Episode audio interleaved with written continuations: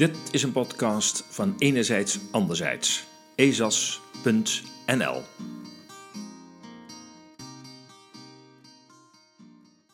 Rothschild uitvinder medisch volgsysteem. Als de naam Rothschild valt, gaat bij velen de alarmbellen af. Zo ook nu, als ontdekt is dat een uitvinding onlangs op de naam Rothschild werd geregistreerd. Het gaat om een methode voor het verwerven en overbrengen van biometrische gegevens van de gebruiker.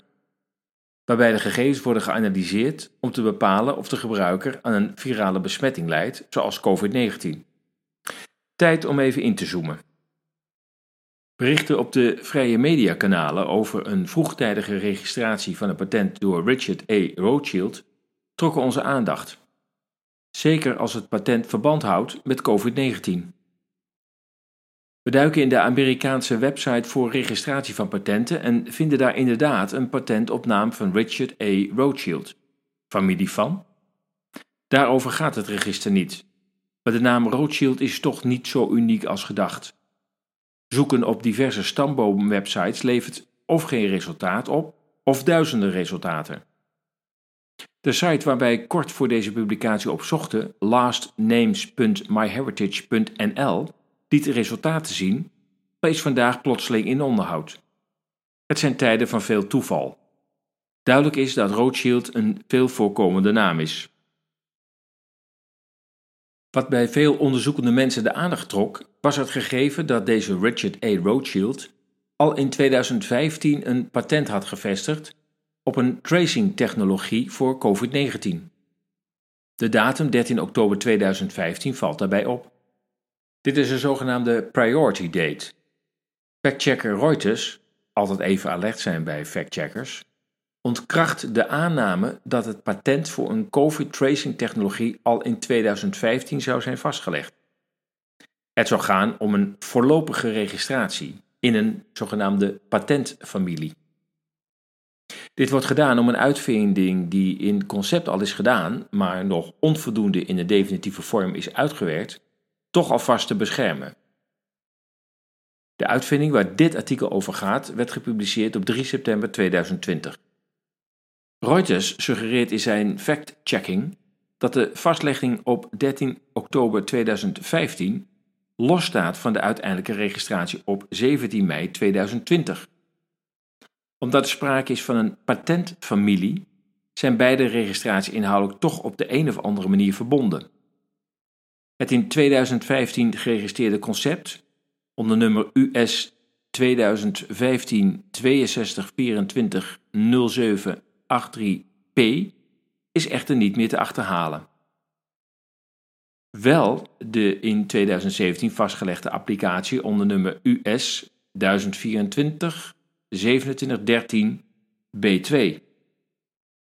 Kort samengevat komt het hierop neer dat er sprake is van een methode voor het verwerken en weergeven van biometrische gegevens van de gebruiker, het zij alleen of samen met andere gegevens, zoals videogegevens. De in 2020 vastgelegde applicatie leidt hierop voor te borduren. De beschrijving hiervan stelt dat het hier gaat om een methode voor het verwerven en overbrengen van biometrische gegevens, dus vergelijkbaar met de eerdere patent dat is vastgelegd. Alleen nu wordt nadrukkelijk COVID-19 vermeld. Namelijk met die applicatie kan worden geanalyseerd of de gebruiker leidt aan een virale besmetting, zoals COVID-19. Het doel van die nieuwe uitvinding, die is vastgelegd in 2020, is het eventueel alarmeren van zorgpersoneel, zodat uiteindelijk acties kunnen worden ondernomen bij de desbetreffende patiënt. ESAS is nadrukkelijk geen factchecker, want daar ligt de essentie van dit bericht niet. Maar we moeten vaststellen dat de twee registraties van 2017 en 2020 niet dezelfde zijn, maar die van 2017 conceptueel de opmaat is van die van 2020. Of in 2017 sprake is geweest van voorkennis over de komst van COVID-19 is natuurlijk niet vast te stellen. Ook niet of voor de applicatie, die in 2017 werd vastgelegd, überhaupt kennis van COVID-19 noodzakelijk was. Deze online veel voorkomende twist over de naam Richard A. Rothschild en de registratiedatum van het patent gaat echter voorbij aan de essentie. Wat werd nu in 2020 vastgelegd en welke kant voert de techniek ons op? De applicatie onder nummer US 1102 Bernard 2 maakt een diagnose van de gezondheid of het welzijn van de persoon. Het maakt gebruik van een mobiel apparaat zoals een smartphone om vitale functies te monitoren, waarbij ook kan worden vastgesteld of een persoon lijdt aan een bacteriologische of virale infectie zoals COVID-19 of een andere aandoening of een symptoom van de ademhalingswegen. Deze huidige uitvinding kan worden gebruikt in combinatie met telegeneeskunde of een digitaal gezondheidssysteem om een betrouwbare en handige methode te bieden voor het op afstand verzamelen en observeren van vitale functies van een patiënt en daarmee zo nodig medisch personeel te waarschuwen en passende acties te ondernemen. In een onderliggend document dat op de website is verlinkt, constateert de uitvinder dat er recentelijk mobiele toestellen zijn ontwikkeld, smartphones, waarbij één of meer fysiologische en biometrische gegevens kunnen worden verzameld. De meeste merken kennen al gezondheidsapps. Volgens de uitvinder zou het een goede zaak zijn indien biometrische gegevens kunnen worden verkregen en verstrekt aan medische instellingen of iets dergelijks zonder dat menselijk contact nodig is tussen patiënt en het observerend personeel. Om redenen als gemak, kosten en een verminderd risico van infectie of kruisbesmetting. Deze ontwikkeling en uitvinding staat niet op zich. Voorman Klaus Schwab van het World Economic Forum heeft diverse malen aangegeven dat de zorg meer op afstand moet plaatsvinden. De huidige ontregeling van de zorg wereldwijd door de onnavolgbare aanpak van COVID-19 speelt deze ontwikkeling sterk in de kaart. Het is onderdeel van de ambities vervat onder de naam Fourth Industrial Revolution.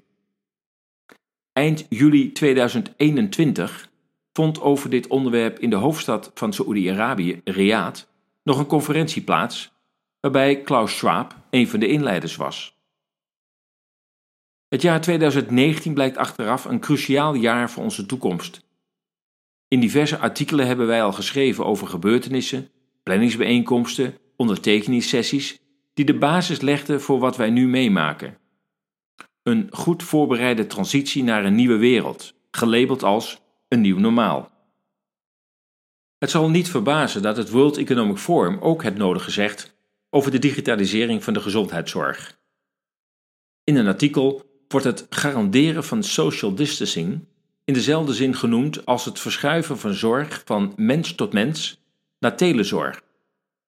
Blijkelijk ziet men een relatie. Ook wordt de rol van dataverwerking en kunstmatige intelligentie als pijlers voor deze transitie naar zorg op afstand genoemd. Zou dat verklaren dat in veel westerse landen er zoveel op gezondheidszorg is bezuinigd, waarmee de zorg op afstand kan worden gestimuleerd?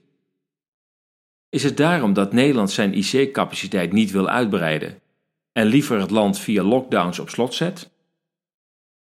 Verder valt op dat Frankrijk, Duitsland en Nederland als gezondheidsleiders worden genoemd.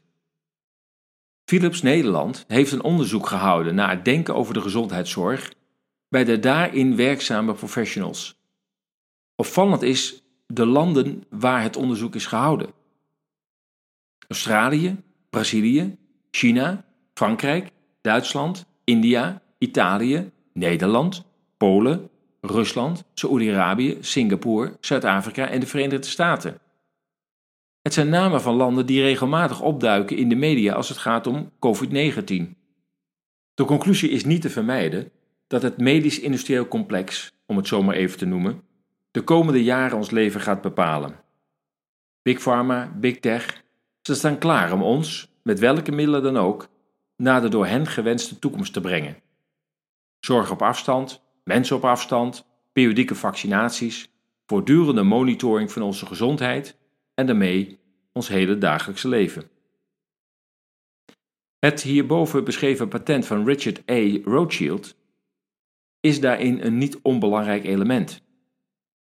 Of deze Richard Rothschild nu tot de familie behoort, en al in 2015 van COVID-19 wist, is in het grotere geheel van ondergeschikt belang. Het gaat om het grote plaatje, het overzicht van de ingrijpende ontwikkelingen en de grote krachten en belangen die erachter zitten. Dit was een podcast van Enerzijds Anderzijds. U kunt ons steunen met een donatie. Ga naar de donatiepagina op onze website ezas.nl. U kunt daar eenvoudig doneren via Ideal of met Bitcoin. Steun ons werk, maak ons sterk. Enerzijds anderzijds zoekt naar nieuwe inzichten in actuele thema's. De massamedia die lang werden vertrouwd, hebben dat vertrouwen bij velen verloren. Enerzijds anderzijds wil met haar berichtgeving meer balans brengen in actuele onderwerpen. Lees onze berichten en artikelen op ezas.nl. Laat ons uw mening weten en deel onze artikelen.